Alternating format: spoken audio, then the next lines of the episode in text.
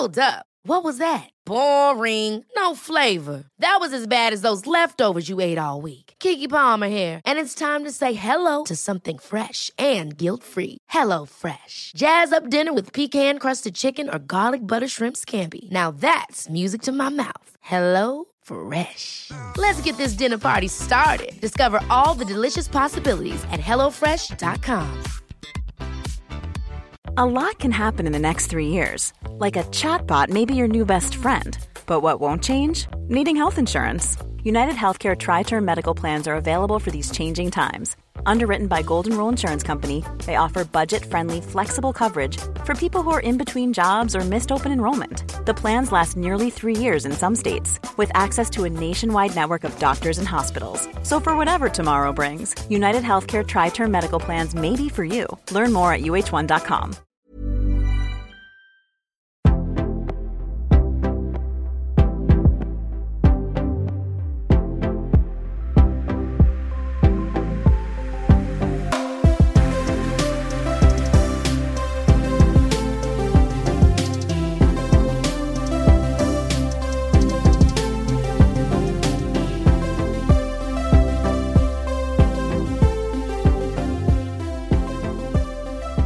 Idag ska vi träffa Nahid Persson, född i Iran, som är en svensk dokumentärregissör och kom till Sverige i början på 80-talet som flykting efter iranska revolutionen.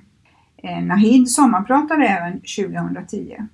Hon har skrivit boken Alltid i mitt hjärta som handlar om hennes 17-åriga bror som mitt under revolutionen avrättades av regimen. Och hennes mest kända dokumentärfilmer är Prostitution bakom slöjan, Fyra fruar och en man, Drottningen och jag och nu senast Anders, jag och hans 23 kvinnor. Välkommen Nahid Persson till Jag är modig-podden. Tack så mycket. Så otroligt spännande att få träffa dig. Tack. Eh, jag, eh, den här podden heter ju Jag är modig och mod kan ju vara så väldigt mycket. Eh, men när jag har gjort research på dig och hört talas om dig så har ju du varit med om otroligt modiga saker i ditt liv väldigt tidigt. Mm. Ja, eh, jag vet inte om man kan, kan kalla det för modig för det var en situation som jag befann mig i då.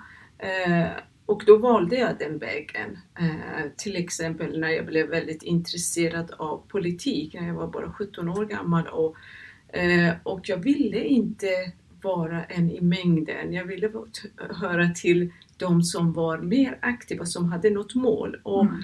Det var då som jag träffade, eh, det var en grupp i skolan som, eh, som jag försökte närma mig till dem trots att jag, jag fick nej eh, eller de, de ville inte ha mig i den gruppen eftersom det var, det var för hemlig grupp. Ja. Men till slut, det är mest min envishet tror jag som gör att att jag hamnar i de här eh, situationerna att jag måste vara modig. Ja, för du vill förändra. Ja precis, för just då när jag, när jag var 17 år och eh, såg hur eh, samhället såg ut, de, det orättvisa som, som fanns i samhället eh, ville verkligen förändra och då var jag glad att det finns sådana ideologiska eh, grupper som kunde göra det och därför var jag tvungen att vara med då. Mm, mm. Eh, sen hände det ju eh, saker som gjorde att du var tvingad att fly. Mm. mm. Sen eh, den här nyfikenheten bara eh, på att vad är det för grupp som gör vad eh, och att ändra på samhället och eh, förändra kanske hela situationen gjorde att vi del, jag tillsammans med dem deltog i revolutionen mot shahen 1979 och sen Eh, Eh, shahen störtade och vi trodde att det här ska bli vår chans att ta över makten, att vänsteraktivister skulle ta över makten. Men tyvärr blev det inte så. Islamisterna tog över makten och då var vi tvungna att, att äh, jobba hemligt. Äh, och då hade jag gift mig med min man och det, det här kan jag säga att jag var modig. Äh, jag var, hur gammal var jag? 18, 19? 18 var jag när min pappa ville inte att jag skulle ut och demonstrera och uh, utsätta mig för fara. Uh, och det var jättejobbigt för mig för jag måste, jag vill göra det. Mm. Så jag smög ut när pappa var på jobbet och gjorde det och sen kom jag tillbaka innan pappa kom från jobbet. Men till slut höll sig inte för alla andra i gruppen i det Eh, aktivisterna var fria att göra vad de vill. De levde i det här dygnet runt nästan, men det kunde inte jag göra. Så tänkte jag, jag kan väl, gifta mig med en av mina kamrater. det jag gjorde att äh, jag frågade min väninna äh, att äh, känner du någon av de här kamraterna som, som kan gifta sig med mig? Hon sa ja, men jag ska kolla på det, tänka på det. Och sen kom hon tillbaka dagen efter och sa jo, jag har hittat en som du kan träffa. Om du vill kan du följa med mig hem. Ja. För han kommer hem till oss, sa hon. Och då gick jag tillsammans med min väninna där och sen kom den här mannen. Eh, jag tänkte inte så mycket på den här mannen som min man. Det är bara någon flykt från min pappa. Att ja. jag kan vara med honom eftersom han är också aktivist.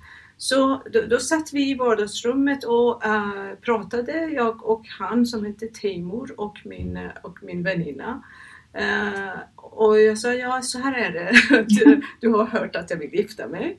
Uh, och jag vill gifta mig och sen kan jag skilja mig efter, efter att jag är gift mig, efter att jag flyttar hemifrån. Ja. För då kan man leva själv, tänkte jag. Så här jag planerade. Du planerade redan jag planerade som så ung. att leva själv sen. Och då sa han, Teimur, varför har du så bråttom att skilja dig? Vi har inte ens träffats. Men vi var i en annan värld. Det var inte kärlek det handlade om. Det var mitt mål. Utan det var den här gemenskapen. Exakt. Jag hade ett mål att jag måste eh, köra det här till 100 procent, det ja. som jag tror på. Ja. Eh, och då, mitt privatliv, det spelar ingen roll vad som händer med det. Men sen det hände att vi, vi blev kära i varandra. Men mina föräldrar ville inte att vi skulle gifta oss för han var inte i den nivån som de hade tänkt att uh, deras, deras svärson skulle vara. Mm. Så, men uh, till, till slut vann jag efter ett år. Uh, gifte vi oss och sen då var jag väldigt fri i det här. Ja. Men tyvärr blev just det var i samma veva som vi var tvungna att leva under eh, ett hemligt liv för att ja. kunna fortsätta med våra aktiviteter. Mm. Eh, och sen fick jag en dotter i Iran. Mm. Eh, men sen, det var då som de grep mina bröder och en av dem blev avrättad och vi var i landsflykt, jag och min man och min dotter mm. i sex månader men till slut var vi tvungna att lämna landet mm. till, med en liten motorbåt. Oj. Till, det var så liten äh, och det var tänkt att lämna från Iran till Dubai. Det är en lång resa ja.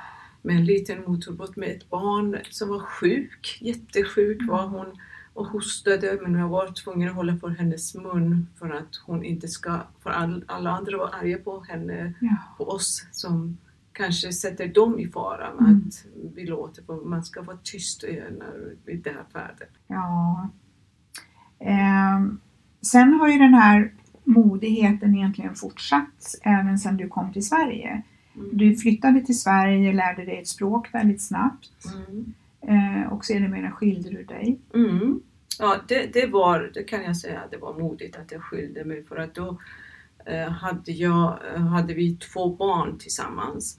Eh, och all, vi var väldigt kära när vi var tillsammans, när vi var bägge två aktivister och hade barn tillsammans.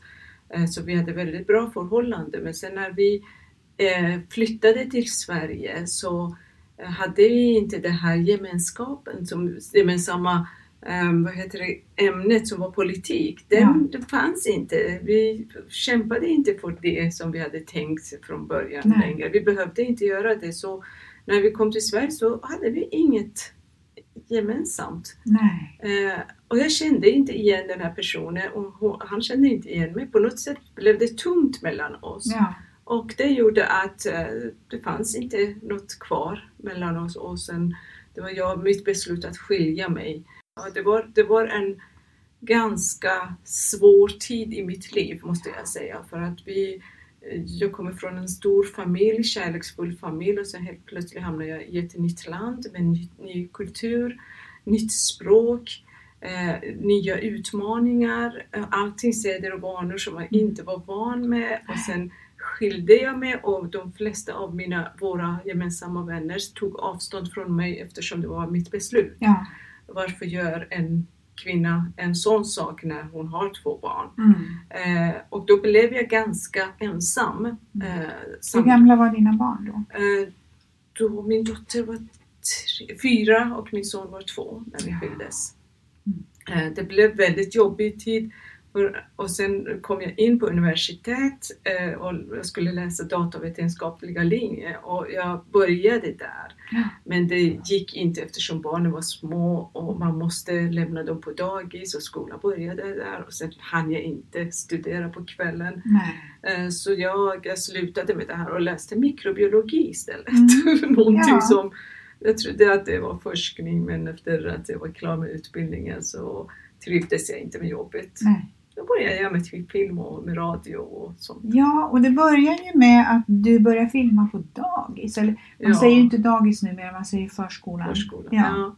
Ja. nej men det var att eh, det, det där att jobba som labb, på labb eh, det var som en stäng, det var som fängelse på något Ja. sätt för mig. Eh, Du kände dig isolerad och Ja. kunde inte vara kreativ kanske. Exakt, ja, det kanske var det. Jag började på en närradio, persisk närradio och började eh, ideellt jobba där. För att eh, då var mina barn små eh, Mm. och sen lånade jag en kamera från Studiefrämjande och Mm. filmade. Jag ville bara filma mina barn på dagis. Sen kom jag på att här, man kan filma alla. Ehm, Så du blev som en skolfotograf fast du filmade. Ja, nå- något Ja, sånt, ja. exakt. Eh, och Och det var så egentligen din karriär inom det så det filmning började. började. Exakt. Och hur länge blev du kvar i Uppsala sen? Eh, sen började jag för att eh, lära mig, bä- för att jag tänkte jag kan göra bättre, eh, riktiga dokumentärfilmer. Sen gick jag på TV-skolan för att lära mig en sån här digital klippning som eh, jag lärde mig det. Och sen eh, ja, gjorde, gjorde mina första filmer och det gick till svenska Sverige Television och trodde att det här är min bäst, det här är bästa film som har gjorts. det var inte det. Det var hemskt när jag tittar på det nu. Det var, men jag var så Men säker. Ja, men det är ju som med våra poddar. Ja. Det är ju så först när man lyssnar på de som vi spelade in i början. Då är man ju nybörjare och Ja. sen så blir det ju bättre och bättre för varje gång man Ja. har gjort en ny. Nej, men det är det som är bra, att man, är, man tror att man är bra. Ja, Och det är det, det, är det som... För jag var så förvånad när Sveriges Television inte vis, ville visa den här filmen som jag visade som var så fantastisk. ja, ja. Men eh, jag förstår det nu. Men, men det som gjorde att jag fortsatte, att jag var... Just att jag trodde på mig själv, även om jag var väldigt, en bly, väldigt blyg tjej när jag var liten och tonårig och även senare i livet också. Eh, Så ändå, den här envisheten, att drivandet som finns i mig som gjorde att, att jag inte gav upp Mm. någon gång. Det är fantastiskt för att du har ju eh, som sagt gjort ett flertal eh, Mm. omtalade dokumentärfilmer. Och vilken var det du gjorde först som, som eh, Som blev omtalad. ja, Eh, Min första egentligen dokumentärfilm som jag själv tycker väldigt mycket om är, eh, handlar inte om Iran, det heter I livets slutskede som jag filmade på ett hospice i Uppsala. Eh, Jag följde fyra patienter i sista tiden i livet Ja. eh, och under filmens gång dog alla. Det var bara, jag vet inte, tre veckor eller fyra veckor som Ja. jag filmade. Eh, Och den var, det var väldigt vacker ja hur, hur de eh, det var inte sorglig hela tiden. Nej, utan det var Och vackert. det var just att en av dem var så glad att, att för att hennes största önskan var att bli skådespelare. Och Ja. hon hade inte upplevt det. Ja. Och nu äntligen Ja. sa hon, är det någon som vill ha mig i sin film? Eh, Men sen som, den film som, som blev mest omtalad var när jag till slut kunde åka tillbaka till Iran efter 17 år eh, i exil och eh, filmade prostitution bakom slöjan. Ja. Eh, Och då hade jag jobbat på, eh, på Mosaik, det var ett program som hette Mosaik på Sveriges ja Television. det känner jag Ja. till. Ja. Jag Mm. jobbade som reporter innan men åkte till Iran och eh, sen eh, kom jag tillbaka med material som var väldigt starkt. Jag trodde inte heller själv att det skulle bli en så stor film som det blev. Eftersom jag hade satsat allting själv. Jag hade Mm. inte fått pengar eller bidrag från någonstans för att göra den här filmen. Filmen var nästan klippt och klart när jag presenterade Ja. för eh, Sveriges Television. Regimen i Iran har försökt alltid att, att lägga locket på hur, vad som försiggår i. Iran Mm. och att det inte finns prostitution. Och Nej. det som var ganska väldigt, väldigt intressant är att det dubbelmoralen som visar man i den här filmen är att samtidigt som som det är förbjudet att ha sex utan att vara gifta Mm. så köpte de Så själva sex ja. av de här prostituerade kvinnorna. Med bara att läsa en mening ur Koranen så blev de man och hust- hustru för stunden. Ja. Eh, Det var fruktansvärt att se allt Mm. det här. Mm. Mm.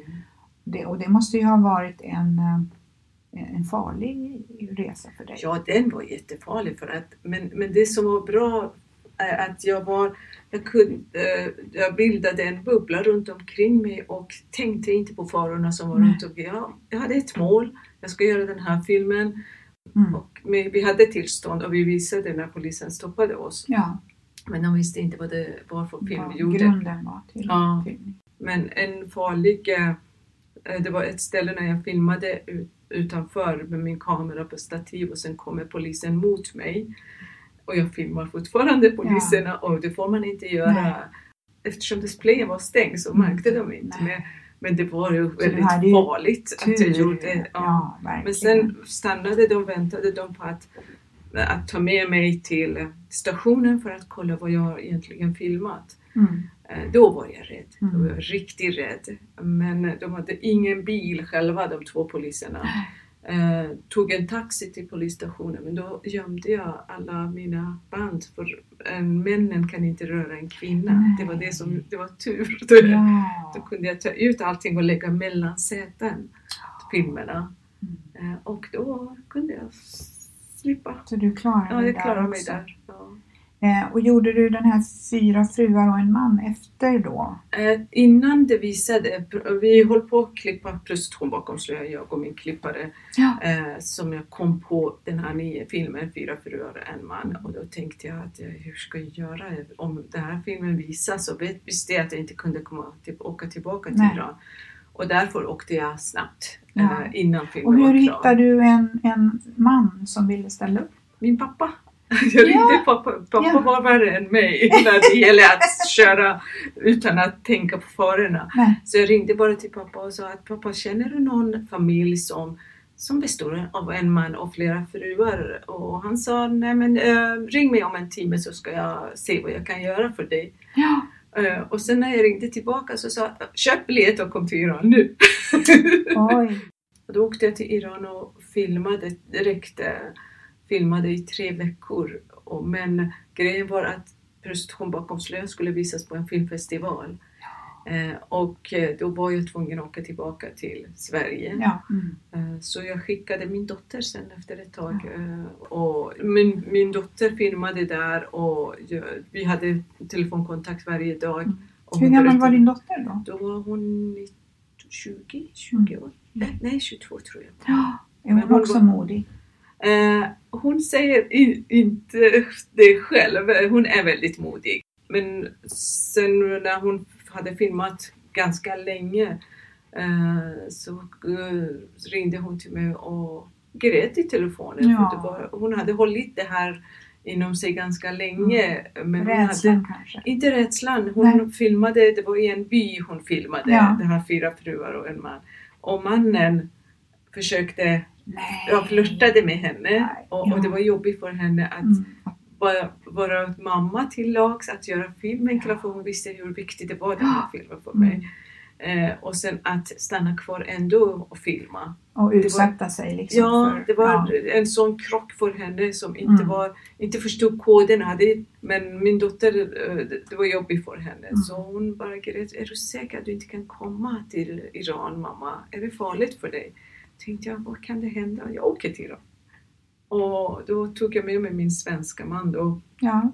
För då hade du gift om dig? Ja precis, Ja. då var jag eh, gift och hade en dotter som, är åtta år, som var åtta år då, Ja. Nathalie.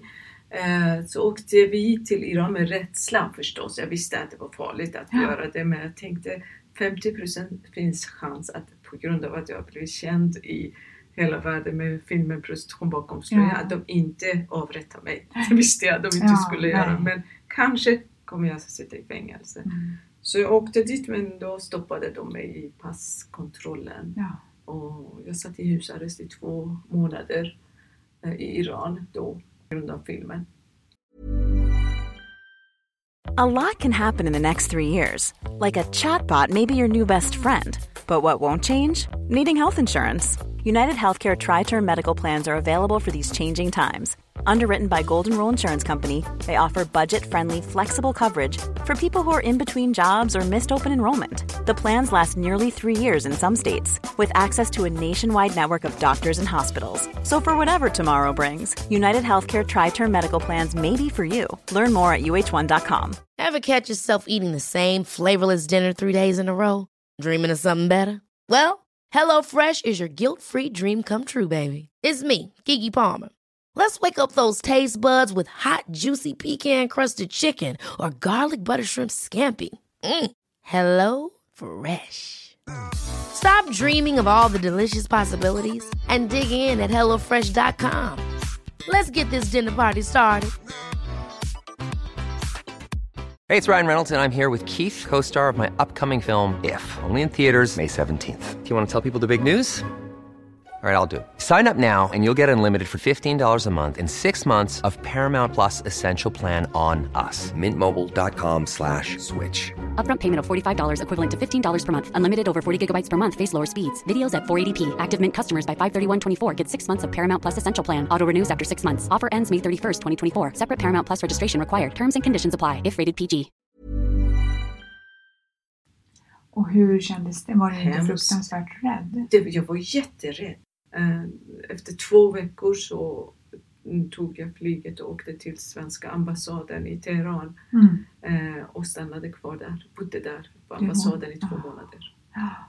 För att det var, Och sen kunde du åka hem? ja, med många förhör, många fruktansvärda förhör som tog kanske 5-6 timmar.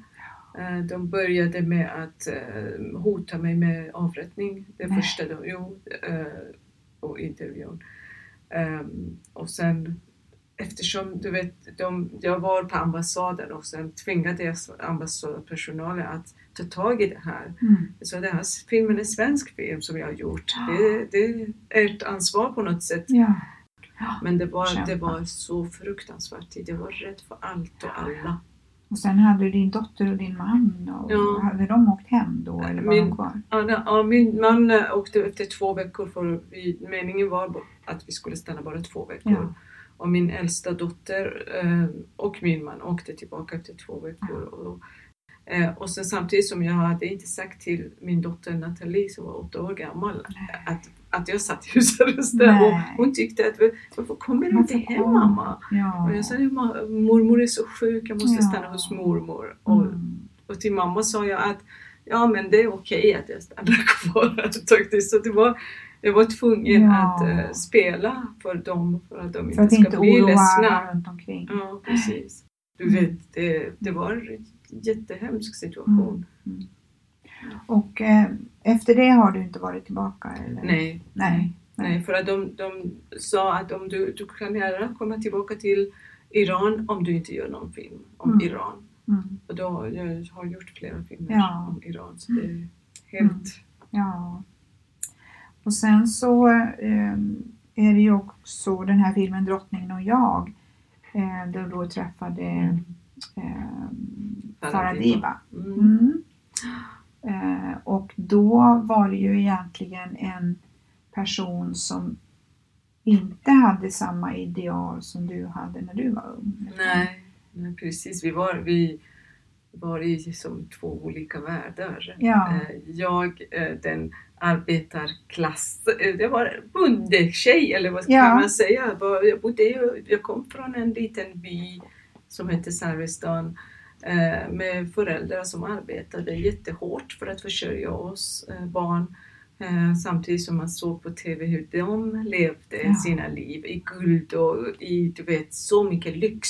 Mm. Som till exempel Farah Dibat kunde bara ta flyget till Paris för att äta lunch. Ja. Du vet, det är sånt eh, självklart att det är helt olika världar. Mm. Eh, och det var just en, av anledningarna att vi gjorde revolution mot Ja. dem, att det var, klyftorna var så pass stora. Ja.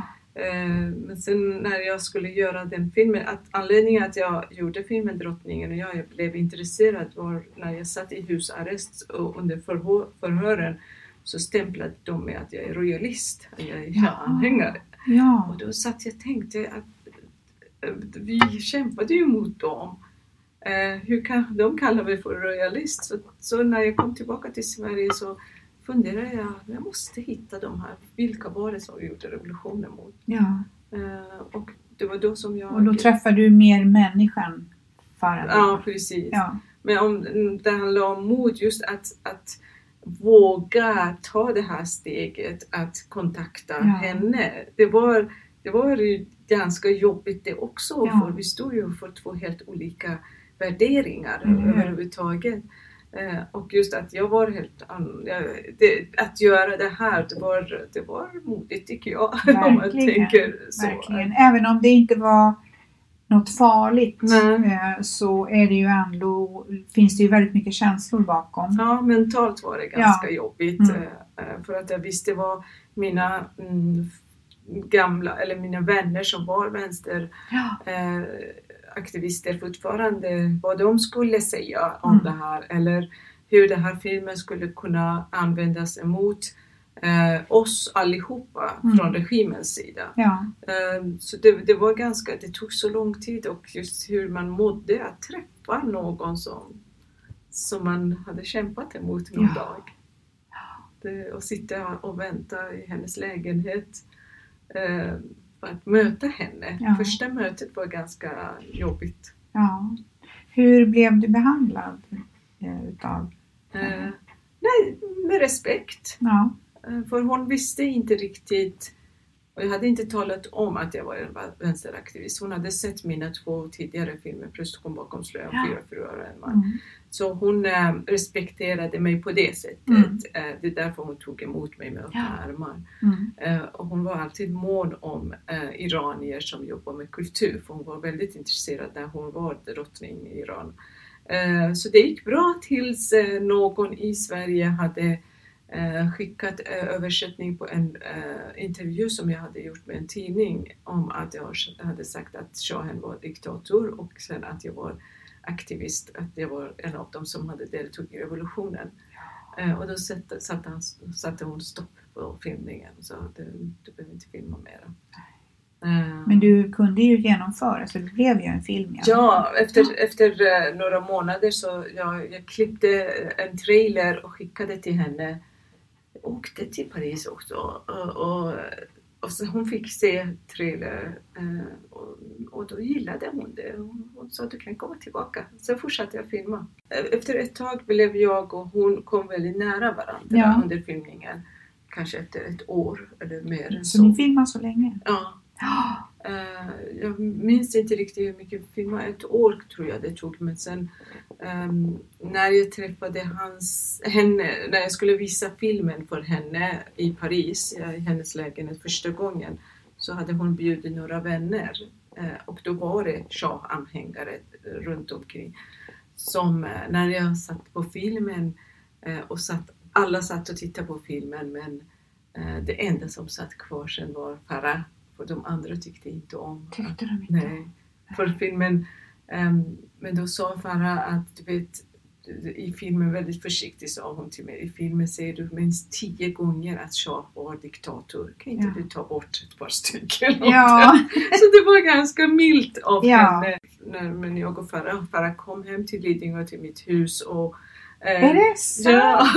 Jo, den filmen var, för en gång visade jag filmen i Paris för henne. Ja. Men sen hade vi en filmning kvar, flera filmningar med henne. Hon skulle till Egypten och andra ställen.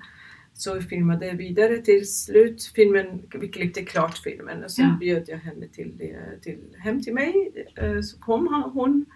Eh, Och det var ganska intressant för att då var mina föräldrar eh, hemma hos mig. De hade kommit från Iran och satt hemma hos mig och eh, deras sätt var intressant för en vecka innan Farah skulle komma, eller några dagar innan Farah skulle komma, så sa jag till mina föräldrar att hon ska komma. Um, äh, pappa äh, sa nej, jag vill inte träffa en diktators fru. Jag stannar inte här, jag åker till din bror. Okej? Okay? Då åkte hon, han till min bror och mamma bara ville välja klänning, vilken klänning ja. hon skulle ha för att möta ja. Farah.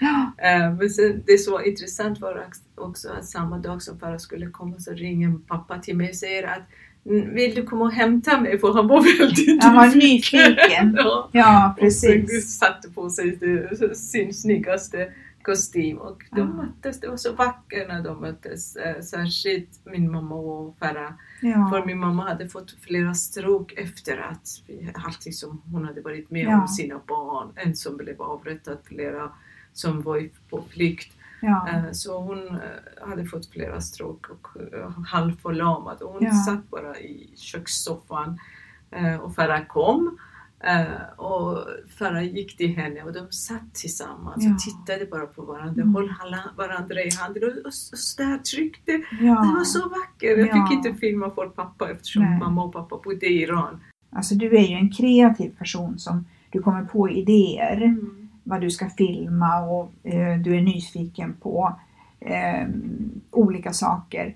Eh, om man tänker så här framåt i tiden och drömmar, vad, liksom, vad drömmer du om att göra? Nej, men jag drömmer sällan om vad jag ska göra, jag gör det. Så. Du bara gör det? alltså, Eller får du en idé sådär? Jag får en idé, jag får, jag får många idéer, ja. de kolliderar med varandra. Till slut blir jag tokig och jag inte gör någonting. så, så här var det i flera år, ja. Eh, att jag inte filmade. Men Ja, jag faktiskt jag tänker inte så att vad som ska hända om tio år Nej. eller vad jag vill göra. Uh, Utan det kommer till dig? ja, det så, gör det. Uh, Men jag drömmer om ett fritt Iran. Ja. Det, det är det som mm. jag verkligen vill och jag skulle gärna vilja kunna bidra med någonting ja. så att det går fortare. Ja. Och att vara framgångsrik då? Vad är, vad är det att vara framgångsrik för dig? Uh, Ja, inte vet jag. Att, att eh, de filmer som, som det är nu med, med min senaste film Anders, jag och hans 23 andra mm. kvinnor. Eh, att, att det kommer till användning, att ja. folk känner igen sig. För mig är det publiken mycket, mycket viktigare ja. än framgångsrik på ett annat, att få priser. Mm. Det här är ett pris som är väldigt, väldigt viktigt för mig att folk tittar på det och, och, och mejlar till mig och ja. skickar till mig och känner igen sig. Ja. jag har kanske um, tryckt på en punkt som, som går hem till de flesta människor. Ja. Vilket den här filmen visar mm. sig att göra och jag får otroliga fantastiska uppskattningar och uh, också att många som är i min situation mm. som är fortfarande i den, i den situationen och och att den här filmen har bidragit till att de har um, avslutat en dålig relation, ja. en destruktiv relation. Den här filmen då, Anders, jag och hans 23 andra kvinnor, eh, det är väldigt aktuellt med tanke på det här med sociala medier mm. och eh, datingappar och eh, det är ju så att idag så kan man ju liksom leva lite sådär att man har flera relationer för att man inte träffas liksom fysiskt. Mm. Ändå är ensamheten väldigt, väldigt stort. Eller hur? Eh, det är det som är ganska sorgligt att, eh, att man är ensam, man, man är törstig efter kärlek. Ja. Man vill ha närhet och någon som man vaknar med ibland. Eller ja. kan vara ja, tillsammans resa eller så men, men tyvärr blir det här väldigt, det missbrukas väldigt mycket. Mm. Och där känner ju jag då, nu har ju du, de andra filmerna handlar ju om någonting som är utanför dig själv. Ja, jag blottar mig Ja, du blottar dig. Ja. Och, och, och jag har ju sett filmen och det var det som fick mig att ta kontakt med dig för att jag är så otroligt imponerad att du vågade visa dig så naket. Men vad har man att förlora egentligen? Nej. Eh, för att jag har märkt att vissa känner sig väldigt obekväma när de har, har sett den här filmen, särskilt män. Eh, känner sig, men Men är det inte det mest naturligare att man behöver kärlek, man Ja. behöver närhet? Eh, och det är så många ute som är ensamma som helst, som försöker, som söker någon partner men misslyckas hela tiden. Mm. Och vad är det som, varför ska man dölja en sån sak? Ja. Vad är fel med att söka? Det var någon Nej. som sa att är du så desperat att Mm. du söker kärlek på nätet? Men det är ju väldigt vanligt att man gör idag. Ja, men varför ska man kalla någon som, som vill ha närhet och kärlek Mm. för desperat? Det Nej. är helt fel. Ja, det är det. Jag tycker man, vågar man inte förändra sitt eget liv, det lilla kärlekslivet, så hur ska man våga överhuvudtaget Ja, man ska leva? ju... eh, det, är ju så eh, att det är ju också modigt att våga ta in en kärlek i sitt Mm. liv. Speciellt om man har levt kanske själv.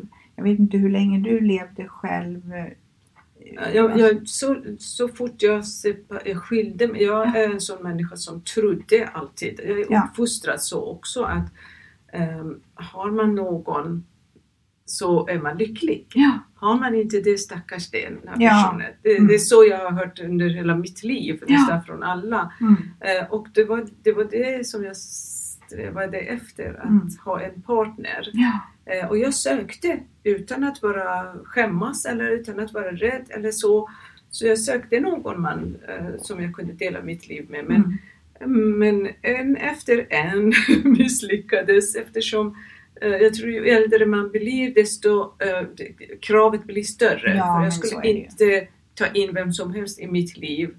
Eh, Det måste vara Anders som har eh, lurat mig otroligt mycket som kunde komma in. För då var jag ändå 20 57 år gammal. Ja. Det var bara förra året det här hände. ja Eh. Men, men jag tycker inte det är något fel överhuvudtaget. Absolut inte. Alltså jag, jag tycker att det är fantastiskt. Jag har ju då träffat en man också sent i livet. Jag har varit gift tidigare och var själv i många år.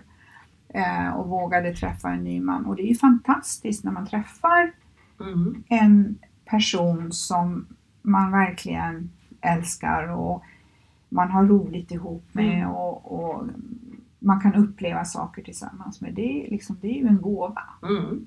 Mm. Och försöker, Grattis! Tack! Och, och sen är det ju också så här, försöker man inte, det är ju som att vågar man inte fråga så får man ju inget svar. Nej. Nej precis, men nu har jag inte försökt på ett år efter Nej. filmen. Eh, inte för att, jag har inte känt för att ha någon partner överhuvudtaget. Men det har inte hänt någonting heller. Nej. Vet, det, så är det. Jag, jag är glad att jag inte har känt efter att ha någon partner. Mm. För eh, nej, det har inte hänt. Jag tror de flesta män har också blivit lite skraja för mig. De är rädda att de ska hamna i en film. Jag tror när, vi ser, när jag ser de här gamla bekanta på Willys eller så, så de bara går runt och inte möta mig. Men sen så tror jag också att det finns män som tycker att du är väldigt eh, spännande och modig.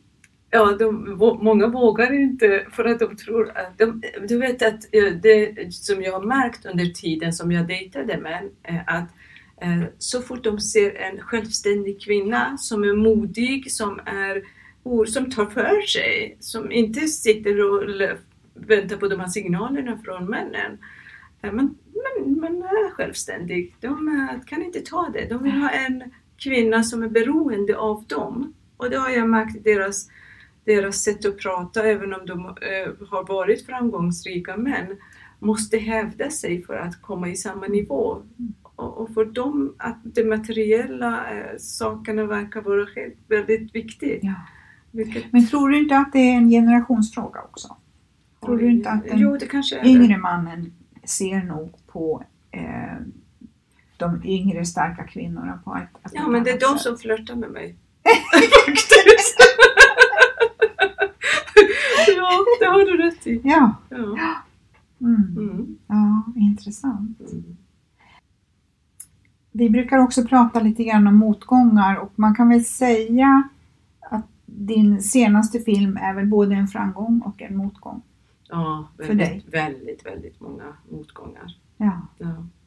Framgång vet jag inte vad det kan vara för mig eh, som framgång. Eh, den filmen har jag gjort eh, för, för andra kvinnor. Ja. För att andra kvinnor inte ska hamna i, i samma situation som jag hamnade. För det är inte roligt.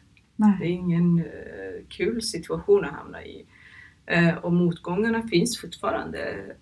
Alltså jag mår dåligt av att se filmen överhuvudtaget. Mm. För att, att se mig i en bild när jag kysser honom, Ja. då, då var det okej eftersom Mm. jag var Ja, kär. ja, Eh, det precis. var, jag, var, jag ville det. Mm. Men sen när man med facit i hand hur mycket han lurade mig, Mm. det är då som jag tycker det är absolut en motgångar Ja. som jag vill bara sudda bort. Ja. Det blir ju, du har ju blivit väldigt sårad. Mm. Jo men det har jag blivit. Filmen räddade mig på något sätt att jag blev starkare. Ja. Och jag lärde mig att inte lita på människor Mm. eh, huvud, överhuvudtaget. Att inte vara så blåögd att ehm, utgå från dig själv. Mm. Eh, för, bara för att jag är ärlig eller de som jag har träffat eller de, min omgivning är ärlig betyder inte att alla är Alla det. är det tillbaka nu. Hur eh, har du, har du under den här tiden, för jag förstår ju att det har ju varit jobbigt, eh, alltså mentalt. Har du, eh, har du valt att liksom gå och prata med någon eller sådär och få stöd? Ja absolut. Jag, Ja. jag, jag gick hos en fantastisk kurator jag hade Ja. ehm, ganska länge eftersom du vet efter filmen Min stulna revolution som jag gjorde 2013 Ja. Under tiden jag blev utbränd Mm. eh, det var en jättesvår film. Mm. Eh, inte bara filmen, det hände massa saker. Filmen handlade om mina vänner som satt i fängelse och Ja. min bror som blev avrättad. Ja. Och det var väldigt att, eh, att återigen sörja någonting Ja. som jag inte hade gjort det för Nej. 28 år sedan. Men sen skilde jag mig eh, under samma veva. Sen Mm. kom jag i klimakteriet. Ja. Vet, stora saker. Ja. Eh, och det var mycket på en gång att jag, och då blev jag utbränd. Mm. Eh, och då gick jag hos en kurator och det fortsatte jag med att gå.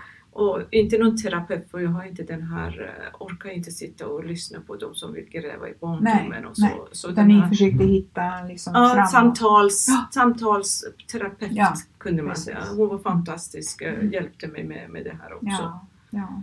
Så jag, jag behövde vägledning. Jag var Ja. jag tokig som jag har blivit kär i en människa som är så Mm. eh, konstig. Ja. Så det hjälpte mig väldigt Mm. mycket. Mm.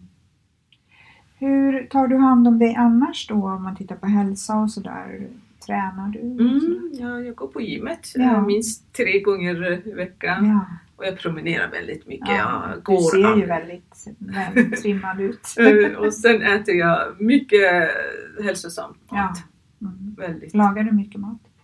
Eh, Just nu när jag är ensam, jag lagar mat men det, jag lagar kanske på måndag och sen äter jag tre Ja.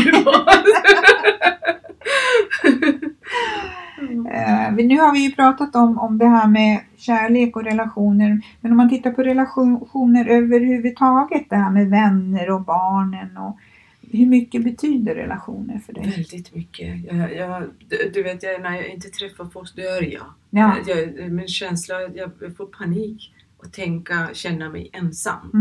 Mm. Eh, och då, jag, jag har tur att jag har mina barn och eh, barnbarn, tre barnbarn. Vi har tre barnbarn också. Fjärde är på väg snart. Oj!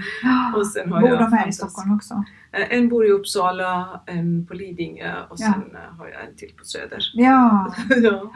ja, men det är fantastiskt att ha dem och sen väldigt eh, bra vänner. jag. ja vänner Inte många, jag väljer eh, att inte ha så många. Jag tar dem med pincet. Ja, nej, men det, vänner blir ju också med, med åren så är det ju så. Man kan ju ha många vänner under livet men det är ändå så att det finns de här speciella som är som man är lite djupare med. Ja, ja precis. Mm. Eh, och, eh, och de ska man vara rädd om. Ja. Ja. Mm. Mm. Ja, men det, det är bra. Mm. Livet är härligt just nu. Mm. Ja, nej, det var, du har varit med om väldigt, väldigt mycket och, ehm, och jag tycker ju att du är ännu mer modig nu när vi har, när, när vi har haft det här samtalet. Eh, och eh, om våra lyssnare skulle vilja komma i kontakt med dig, Mm. eh, har du någon hemsida eller var kommer man i kontakt med dig? Ja, och jag, jag har en hemsida som jag inte har kollat på i åtta år tror jag, men eh, på Facebook. På Facebook? Ja. Mm. Mm. Nahid Persson. Nahid Persson. Ja, Ja. precis.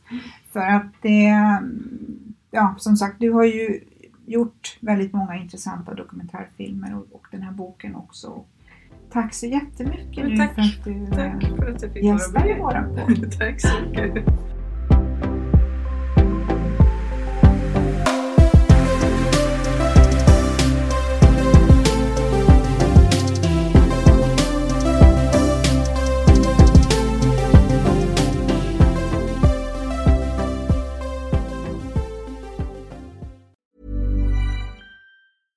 Ever catch yourself eating the same flavorless dinner three days in a row?